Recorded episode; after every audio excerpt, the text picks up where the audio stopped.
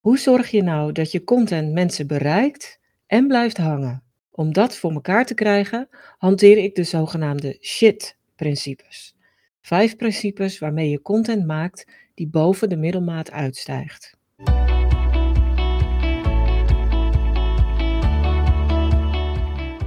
Er is natuurlijk ontzettend veel content in de wereld en er wordt heel veel gemaakt en gedeeld.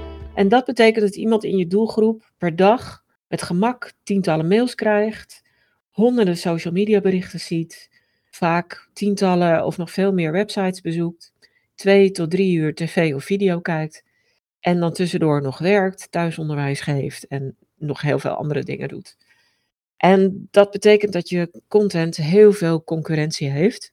En los daarvan wordt er ook echt nou, per maand, per jaar steeds meer content gemaakt. En een bekende marketeer in de Verenigde Staten, Mark Schaefer, die noemde dat enkele jaren geleden al content shock. Een overdaad aan content waardoor mensen eigenlijk helemaal verlamd raken en, en murf raken en steeds minder op content reageren. Nou, die content shock die zal de afgelopen jaren alleen maar erger geworden zijn. En dat betekent dat je content daar eigenlijk op in moet spelen, omdat dat de enige manier is om ertussen te komen en in dat copy te blijven hangen. Maar dat kan wel, als je content maar shit genoeg is. En dan heb ik het wel over shit met dubbel T. Want waar staat het voor? Het staat voor scherp, helpend, intrigerend, trendzettend of tijdloos. Daarmee bevat shit content vijf manieren waarmee je de kans vergroot dat je content gezien of gewaardeerd wordt. En ik wil ze graag een beetje uitleggen, want wat, waar staat dat dan voor? Scherp, helpend, intrigerend, trendzettend of tijdloos? Nou, om te beginnen, scherpe content, wat is dat? Het is eigenlijk altijd content met een mening. Het is duidelijk en misschien wat afwijkend van de gangbare meningen die er al zijn. Met scherpe content durf je stelling te nemen en ben je niet bang om iets onverwachts te zeggen. Een ander voorbeeld van scherpe content is dat je een opinieartikel schrijft of een recensie. En die kun je op je eigen website delen, maar vaak is het dan weer effectiever om die op een toonaangevende website in jouw vakgebied te delen. En om daar vervolgens op social media heel veel gebruik van te maken en zoveel mogelijk rumoer omheen te creëren. Dus dat is scherpe content. Een tweede manier is om helpende content te realiseren. En ik zie dat heel veel bedrijven uh, en, en bloggers en contentmakers dat al doen. Want hiermee help je mensen door antwoord te geven op een vraag, door uit te leggen hoe iets werkt of door uit te leggen hoe je iets doet. Nou, voorbeelden liggen natuurlijk voor de hand. Dat zijn checklists, stappenplannen, maar ook demonstratievideo's of video's met een hoe-doe uitleg waarin je de stappen doorneemt. Of een podcast die mensen helpt om een bepaald probleem op te lossen. Goede helpende content is eigenlijk altijd heel nuttig en wordt om die reden ook gevonden. Als je het goed doet, dan word je gevonden in Google en zullen ook veel mensen daarop googelen. Maar ze zullen het ook, als het goed is, kunnen vinden via YouTube. Want YouTube is de tweede zoekmachine ter wereld en daar wordt heel veel hoe-doe-vragen uh, ingeklopt. En dat zijn ook vaak vrij uitgebreide vragen dus en, en behoorlijk specifiek. Dus heb je een video, zet hem dan zeker op YouTube. Als het, als het een helpende video is met een demonstratie of een uitleg. Want dan wordt je content gewaardeerd en onthouden. Intrigerende content, ja, de naam zegt het al, is net even anders dan anders. Het verrast mensen, het geeft een he-reactie. Wat is dit? Of het triggert iets bij mensen. En misschien triggerde deze podcasttitel jou ook wel een beetje? Dat je dacht, oké, wat is dat dan, die shit content? Hoe kan dat? Intrigerende content spreekt over het algemeen wel tot de verbeelding. En daardoor blijft het lang hangen. En daardoor creëer je ook extra bereik. Want mensen liken het, reageren erop en vertellen het verder. En dat is precies de reden dat intrigerende content heel goed kan werken in een tijd waarin gewoon heel veel content gemaakt en gedeeld wordt. Een laatste voorbeeld van intrigerende content is dat het iets heel nieuws is. Dat mensen echt nog niet eerder gezien hebben. Of dat ze nog niet op deze manier gezien hebben. Of dat verdraaid knap gemaakt is. En voorbeelden van intrigerende content, die vond ik nog best wel lastig te vinden. Maar ik, toen ik erover na ging denken, dacht ik van ja, ik heb ze wel. Bijvoorbeeld, ik volg het kanaal van BBC Future. En dat is echt een ideaal voorbeeld van intrigerende content. Ga dus zeker een keer kijken. Eh, bijvoorbeeld recente artikelen en video's op de, op de BBC Future zijn hoe de klank van je naam iemands perceptie van jou nou verandert. Nou, dat, dat vind ik echt heel intrigerend. En het leuke is natuurlijk ook dat, omdat het de BBC is, dat het ook allemaal hele goed onderbouwde artikelen zijn. Dus ze intrigeren, maar ze weten het dan ook wel waar te maken. En een ander artikel wat mij raakte daar was dat dagelijkse gangbare medicijnen, die we praktisch allemaal wel gebruiken, zoals paracetamol en andere gangbare dingen, dat die kunnen veranderen wie je bent. Ze veranderen iets in je brein. Nou, dat zijn typisch dingen die, die mensen intrigeren en dat is ook waarom BBC Future daar een succesvol uh, kanaal mee heeft. Maar ik zei ook al dat het soms iets kan zijn wat heel knap gemaakt is. En dat, dat kan ook iets kleins zijn, ik zag twee weken geleden een afbeelding en die is me meteen bijgebleven en die zie ik nu nog steeds weer voor me. Die was gemaakt door geologen en die lieten zien in één foto hoe Afrika er over 10 miljoen jaar uit gaat zien. En dat was heel frappant. We weten natuurlijk allemaal wel dat de wereld verandert, letterlijk verandert. Maar om Afrika te zien waarbij er weer stukken afgebroken zijn en waarbij Afrika of Noord-Afrika compleet vastzit aan Spanje. En dan niet over een klein strookje van een kilometer, maar over een enorm groot gebied. Helemaal vastzit aan Europa. Ja, dat vond ik wel heel interessant om te zien. En dat, is, ja, dat, dat blijft me gewoon heel lang bij. En wat ook intrigerende content is, is dat als je onderzoek hebt gedaan of onderzoek hebt gezien waar je iets mee wil, als dat onderzoek bijzondere uitkomsten heeft opgeleverd, die mensen eigenlijk niet verwachten. En dan kom je eigenlijk ook wel weer in het grensgebied van die scherpe content. En dat is namelijk als je een bestaande mening weet te weerleggen. En een, een voorbeeld daarvan was een onderzoeksartikel dat liet zien hoe gamen voordelen biedt aan kinderen. En we denken allemaal dat gamen niet goed is voor kinderen. En al helemaal niet dat ze het te veel, als ze het te veel doen. En dat het verslavend kan werken. Maar dit onderzoek intrigeerde mensen heel erg, omdat het liet zien hoe gamen heel goed kan zijn voor de sociale ontwikkeling van kinderen. Of hoe het een hele goede uitlaatklep kan zijn voor angst en frustratie. In tegenstelling tot de mening dat gamen mensen of kinderen soms heel agressief kan maken dat zijn voorbeelden van intrigerende content die echt blijven hangen, die, een, die iets verrassends bieden, die een huh-effect hebben van wat is dit dan? Waardoor het heel erg goed werkt. Maar ik moet wel zeggen, het is, het is wel lastig om te maken. En dat had je misschien al vermoed op basis van de voorbeelden en mijn beschrijving. Het vraagt wel om originaliteit. En dat is, niet gewoon, dat is gewoon niet voor ieder bedrijf weggelegd of voor iedere contentmaker weggelegd. En die originaliteit die kun je op verschillende manieren proberen te realiseren. Bijvoorbeeld doordat je verschillende soorten bestaande kennis verzamelt die je op een nieuwe manier combineert. Of omdat je op basis van bestaande feiten een nieuwe conclusie trekt. En of dat voor je weggelegd is, hangt heel erg af van de bronnen waar je uh, over beschikt en waar je toegang toe hebt en de creativiteit die je hebt. Maar het, het is iets om over na te denken. En intrigerende content, ik gaf het eigenlijk ook in dat voorbeeld over, over die afbeelding van Afrika al aan, die intrigeert ook door de vorm waarin je het giet.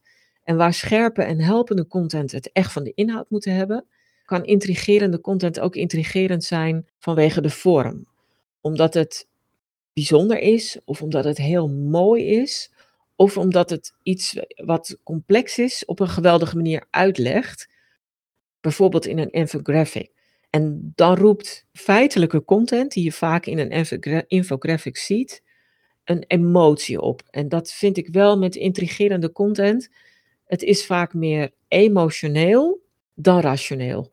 Waar scherpe en helpende content over het algemeen ook meer rationeel zijn? Is intrigerend wat meer op de emotionele toer of raakt het meer die emotionele snaar ook?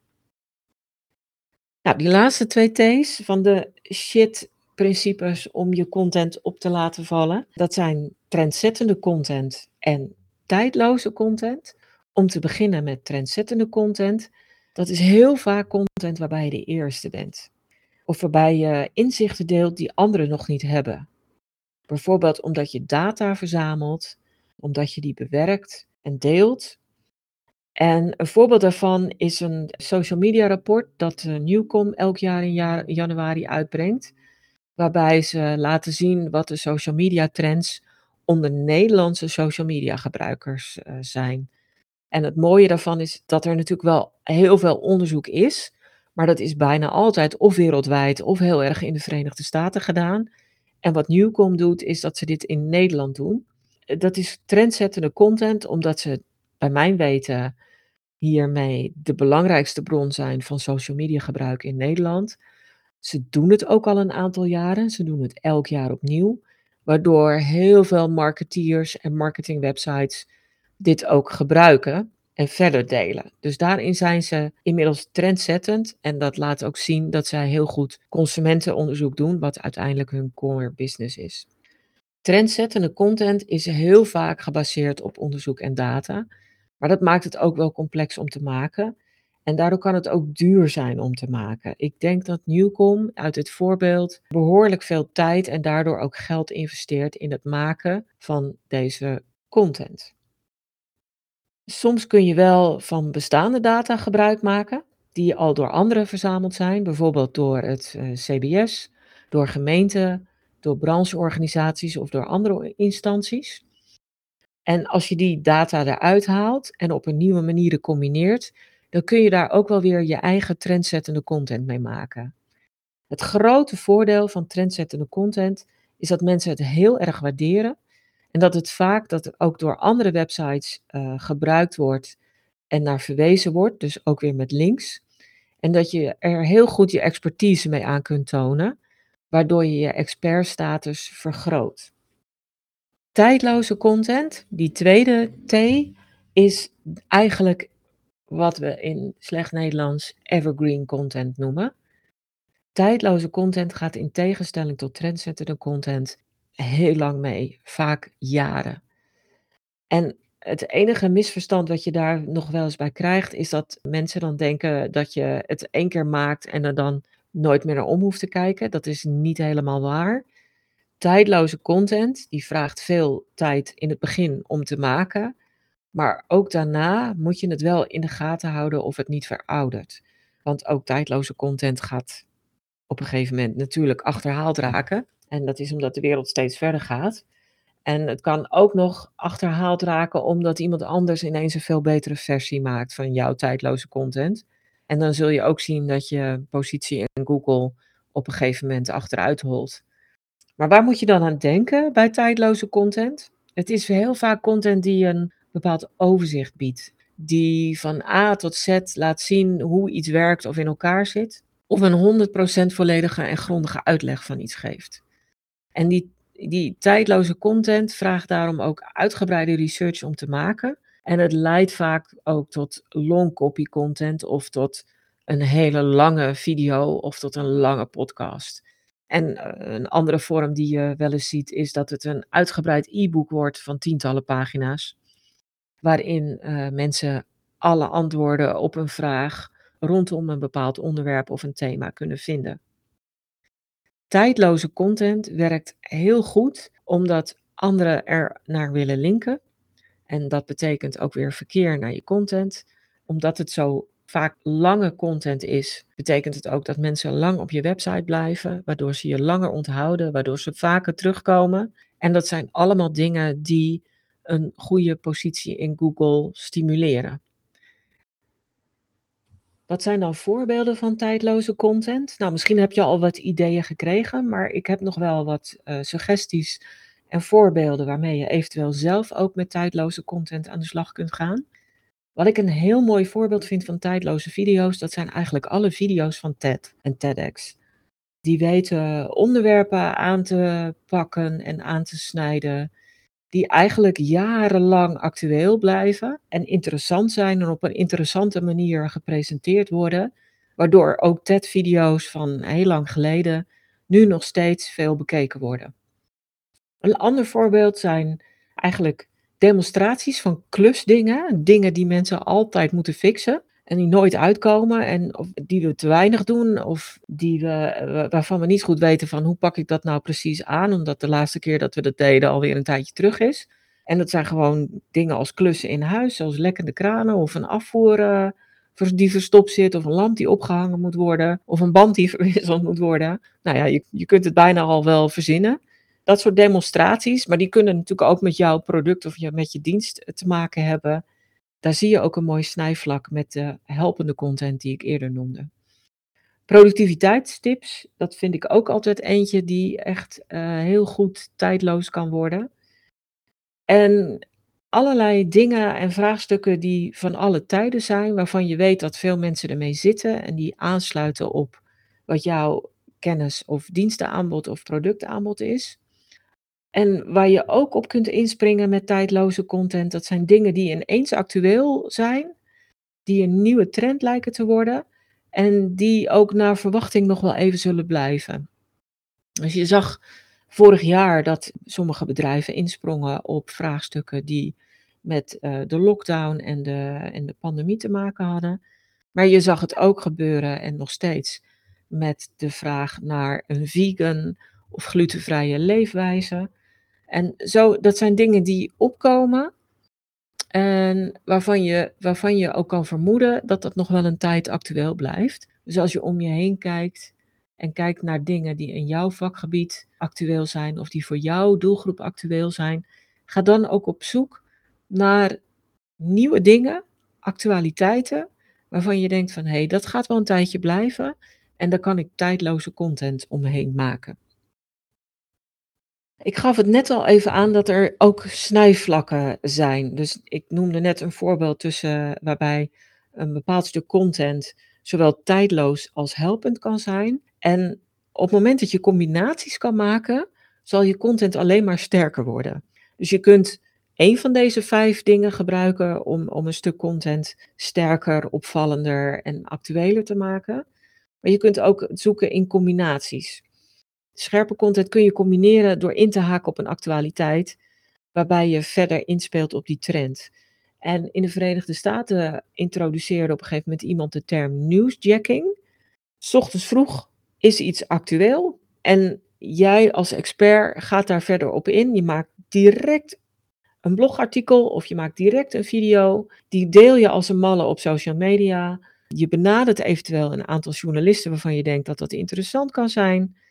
En je haakt dus in en je gaat door op iets wat net in het nieuws is, waardoor mensen zien van hé, hey, dit bedrijf of deze persoon haakt hierop in. Ik ga dat verder delen, ik ga daar wat vragen over stellen. Journalisten maken daar soms weer een artikel van, waardoor een kleine steen in de vijver een steeds grotere cirkel verspreidt. En dat is dan newsjacking. Maar een scherpe mening kun je dus heel goed combineren met inhaken op een actualiteit of in, uh, inhaken op een trend.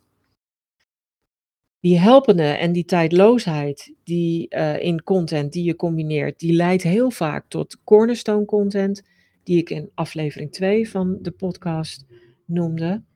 En wat je ook kunt doen, is dat je intrigeren en trendzetten met elkaar combineert. Jij ontdekt iets waarmee je iedereen verrast, wat vervolgens weer elders wordt opgepikt. Of je claimt als eerste een nieuwe term, een totaal nieuwe term, die je misschien wel zelf bedacht hebt, of een betrekkelijk nieuwe term. En jij geeft daar hele betekenisvolle inhoud aan, waarvan iedereen denkt van, ja, hip, dat is zo, dat herken ik. Oh ja, zo zit dat. Dat heb ik zelf ook, of daar kan ik iets mee. En helemaal aan het begin van deze podcast noemde ik al de term content shock. Dat was een Amerikaan die dat introduceerde en daarna zag je dat dat wereldwijd door allerlei marketingmensen werd opgepikt. Omdat het herkend werd. Zo van ja, natuurlijk, iedereen ziet wel dat we allemaal overladen worden met informatie, met berichten, met impulsen. En daar moeten we wat mee. Dus hij is nu een beetje de godfather van Content Shock. Dichter bij huis in Nederland is Marco Buschman daar een heel goed voorbeeld van. Hij schreef, ik meen in 2016, een boek over verbindend vermogen. En op zich denk ik dat die term er al wel een klein beetje was. Maar hij claimde dat echt voor een heel interessant en uitgebreid boek. Wat ingaat op wat is verbindend vermogen en hoe kun je het stimuleren en hoe kun je meer impact realiseren door in verbinding te treden met jezelf, met de ander, met je, met je organisatie en met de wereld om je heen. En hij maakte daar meteen zo'n brede scope aan vast dat hij deze term helemaal geclaimd heeft en dat iedereen die iets hiermee doet, het ook meteen aan hem relateert. Dus op die manier kun je met een combinatie kun je iets heel moois neerzetten. Wat is mijn advies dan eigenlijk altijd? Het is om zoveel mogelijk shit content te maken, omdat je daar kortweg veel meer mee kunt bereiken. Maar als je een idee hebt voor, voor iets, voor een blog, voor een artikel, voor een video of voor een social media bericht, kijk dan of het aan deze en of het aan een van deze vijf criteria kan voldoen. Want dan maak je gewoon meer kans om boven het maaiveld uit te komen. Dus heb je een idee, of heb je het misschien al geschreven of gemaakt, kijk dan of je er net een extra draai aan kan geven, of net een extra ingrediënt aan kan toevoegen, om er net iets meer shit content van te maken. En betekent dat dan dat je andere content die echt op geen één manier aan die shit criteria voldoet, of je die dan maar niet moet maken? Nou, absoluut niet. Maak juist alle dingen waarvan jij denkt van die, dat die voor jou betekenis hebben of voor jouw doelgroep betekenis hebben. Maak die echt, ook als het niet een van deze vijf criteria heeft. Want soms kan iets heel kleins, iets inspirerends of iets entertainments ook echt bijdragen aan je merk of aan je marketing. Het hangt maar net vanaf wat je doelstelling is. Maar zit je in een groot concurrentieveld en moet jouw content echt vechten om de aandacht van je doelgroep, dan helpen die shit content echt wel om jouw content ontdekt te laten worden door steeds meer mensen. Ik hoop dat ik hiermee vijf principes heb gegeven om vijf extra manieren waarmee je zelf content kunt maken die nog beter gezien, gewaardeerd en onthouden wordt. Dankjewel voor het luisteren. Voel je zeker vrij om deze aflevering van de Content Divas podcast met anderen te delen als je denkt dat dit van pas kan komen. En heb je zelf een handige tip of inzicht opgedaan met deze aflevering, dan hoop ik dat je een review wil achterlaten. Heb je nog meer vragen? Zoek je meer informatie? Neem dan zeker een kijkje op de website. Die vind je op stroop.nl met dubbel S. En daar vind je natuurlijk ook die handige content kennisbank waar je allerlei gratis checklists, stappenplannen, handleidingen en nog veel meer kunt vinden.